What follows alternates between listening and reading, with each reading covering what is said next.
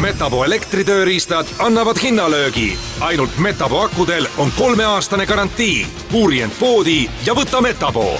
Metapo hinnalöök.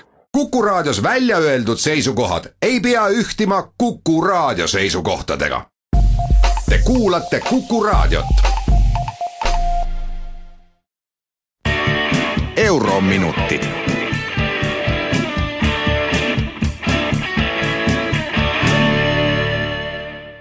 tere päevast, kallid Kuku raadio kuulajad! eetris on Eurominutid ja Kersti Kaljulaid. kõigepealt veidi halbu majandusuudiseid. eurotsooni teise kvartali majanduskasvu hinnang, rõhutan esialgu veel hinnang, see ei ole päris lõplik arv, on jälle kord pettumus. prognoos oli kvartali kasvuks null koma kuus protsenti, aga tuli poole vähem aastapõhises prognoosis on seega mõistlik olla ka tagasihoidlikum kui senine üks koma seitse protsenti halbu uudiseid on ka finantssektoris ja seda globaalselt. finantskriisi järgsed regulatiivsed muudatused on tekitanud olukorra, kus pankade kasumid on alla jäämas nende kapitali hinnale. seda just investeerimispanganduses, kus kõrgete riskide tõttu on kapitali hind klassikaliselt ikka päris kõrge olnud maailma suurimad investeerimispangad, kelle kapitali keskmine tootlus on veidi üle kaheksa protsendi, kirjutab Politico, peaksid suutma teenida kaheksa kuni kaksteist protsenti, mis on nende kapitali tüüpiliseks hinnaks. kuigi pangad on likvideerinud kriisi tuules üle kümne tuhande töökoha ja kahandanud kulusid, siis ometi ei suudeta oma kapitalikulu kuidagi katta. lihtsalt tundub, et ongi nii, tulu ei ole mitte kusagilt teenida. Politico nendib kõrgeid kapitalipuhvreid ja investeeringute vähest tootlust selles ei ole midagi imekspandavat. kes täna suudab natukenegi raha teenida või isegi seda kindlalt säilitada, see naudib ülisoodsat kapitalikulu.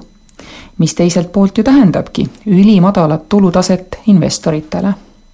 no mis sa teed ära, ilmselt on meil kõigil vaja ümber hinnata oma suhtumine kuludesse, tuludesse, sellesse, kuidas me oma vara säilitame, kuidas me sellelt tulu teenime mis see tulevikumudel on, on täna võimatu öelda, aga ilmselgelt vana mudel enam niisama lihtsalt ei taastu.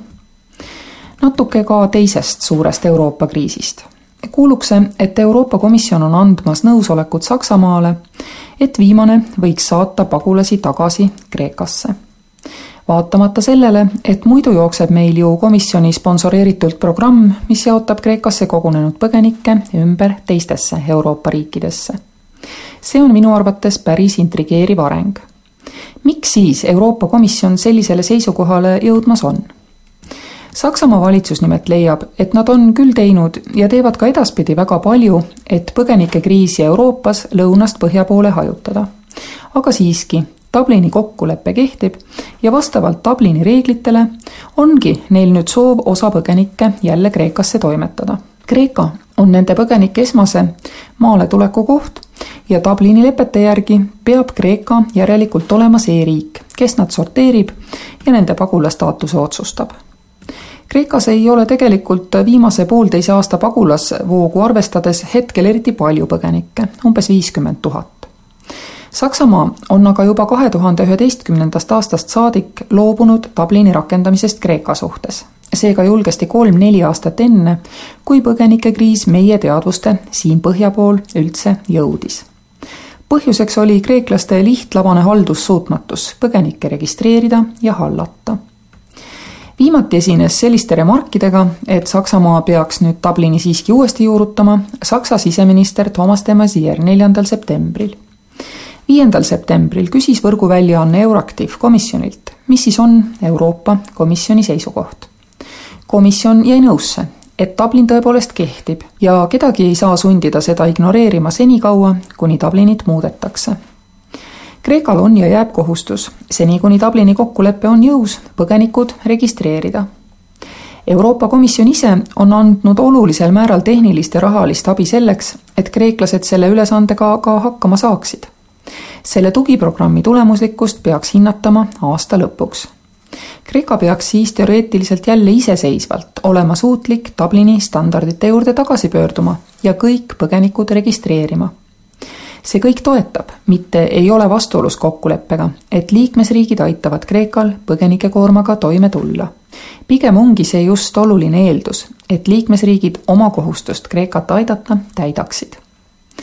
Kreeka on suve jooksul korduvalt palunud veelgi täiendavat tuge põgenike ümberjaotamiseks ega ole üles näidanud mingit tahtmist ega valmisolekut võtta pagulasi endast jõukamatest Euroopa riikidest uuesti tagasi arvatavasti teeb Kreeka seda jälle just täna toimuval Vahemeremaade liidrite kohtumisel. eurominutid on veidi eellindistatud, nii et täpselt ei tea, aga arvata on. Vahemeremaade tippkohtumisel osalevad Tsipras, Hollande ja Itaalia peaminister Renzi. Hispaania peaministri kohusetäitja Mariano Rajoy jääb tulemata koduse keerulise sisepoliitilise olukorra tõttu Hollande üritab sellel üheksanda septembri kogunemisel luua Lõuna-Euroopa riikide koherentsemat koostööd nii pagulasküsimuses kui üldse Euroopa Liidu sees. vähemasti nii on ta lubanud omas riigis sotsidele peetud kõnes. ka teised riigid, kellel on oht saada oma pagulased nii-öelda tagasi, on sellisest võimalikust arengust üsna ehmunud Bulgaaria peaminister Boiko Borissov, ilmselt teades, et ka Bulgaarias on dublineerimata migrante palju olnud ja sealt edasi läinud, on juba öelnudki, et kui kolleegid Saksamaalt, Ungarist või Austriast talle põgenikke lähetama peaks, siis ta neile lennujaama igatahes vastu ei läheks. Saksamaa on ilmselgelt muutumas ksenofoobsemaks. sellele reageerivad teiste hulgas ka saksa juudid muuhulgas Euroopa erisuste kriisi, nagu ta seda nimetab, diversity crisis, päris hea sõna minu arvates, uurija Joel Shalit. Joel Shalit on kirjutanud avaliku kirja kantsler Merkelile, mis, nagu ta nendib, on päris äärmuslik meetod oma arvamust avaldada, aga olevat aeg. juutidel on ilmselgelt Saksamaal ses asjas veidi tundlikum sõnaõigus kui kellelgi teisel või ka neil endil kusagil mujal. Shalit on Saksamaal elav Iisraeli kodanik ta meenutab, et just tänavu saab seitsekümmend viis aastat sellest, kui natsid sundisid juute kollast tähte kandma. umbes täpselt just sellel ajal, kui AfD, natsionalistlik Saksa partei, edestas kristlikke demokraate Mecklenburg-Vorpommeni kohalikel valimistel.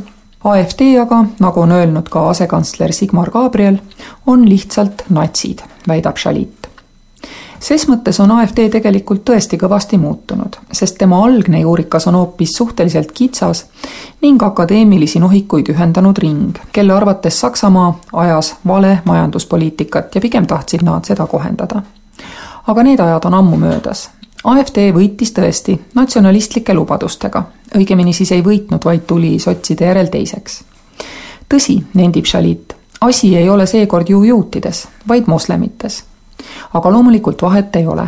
kui üks rahvas leiab, et milleski on süüdi üks vähemus, siis on see just ja alati seesama kollase tähe vari. Shalit ei süüdista kantslerit selles, et ta nii palju migrante riiki on lubanud. juudina leiab ta, et rikastel lääneriikidel ongi oma vastutus Lähis-Idas toimuva suhtes. ja Saksamaa lihtsalt aktsepteeris oma vastutust, võttes pagulased vastu aga ta heidab ette seda, et poliitilise surve alla sattudes taganeb Merkel humanismi põhimõtetest ja Euroopa väärtustest järk-järgult. sest mille poolest on diil Türgiga parem AfD positsioonidest? ehk Merkel oleks pidanud Saksamaa kantslerina mitte võtma äärmuslikku agendat kergelt üle, seda niimoodi valideerides, vaid jääma oma positsioonidele. kõik poliitikud ju ometi teavad, et äärmusliku agendaga kaasajooksmise strateegia ei peata äärmuslike ideede levikut ühiskonnas, pigem juhtub vastupidi. ent ometi, kui selline olukord on käes, teevad poliitikud seda peaaegu alati. ja see ongi, mille pärast ma selle mulle tundmatu filosoofi kirja üldse tsiteerin. ma ei ole täitsa nõus tema seisukohtadega, ei selles osas, mis puudutab Türgi kokkulepet ega ka lääneriikide vastutuse osas. aga üldine põhimõte, kui sa ei seisa äärmuslike vaadete vastu selgelt oma väärtustega, siis sa toetad neid tegelikult. kui sa ei paku oma väärtustel põhinevat alternatiivi, et valija saaks ise otsustada, et valija saaks otsustada, kui palju temas on humanisti ja kui palju julma rahvuskehandi puhtuse nimel kalki mõtlemist, siis sa lihtsalt kaotad. algul võib-olla ühes küsimuses, ühes piirkonnas, aga siis üsna kiiresti juba kõik ja pärast hakka jälle vabandama ja demokraatiat taastama. äkki seekord hoiaks, mis meil on. see ongi nüüd mängus, mitte enam midagi vähemat. selle seisukohaga tuleb mul kindlasti nõustuda. Kuulmiseni jälle järgmisel nädalal. eurominutid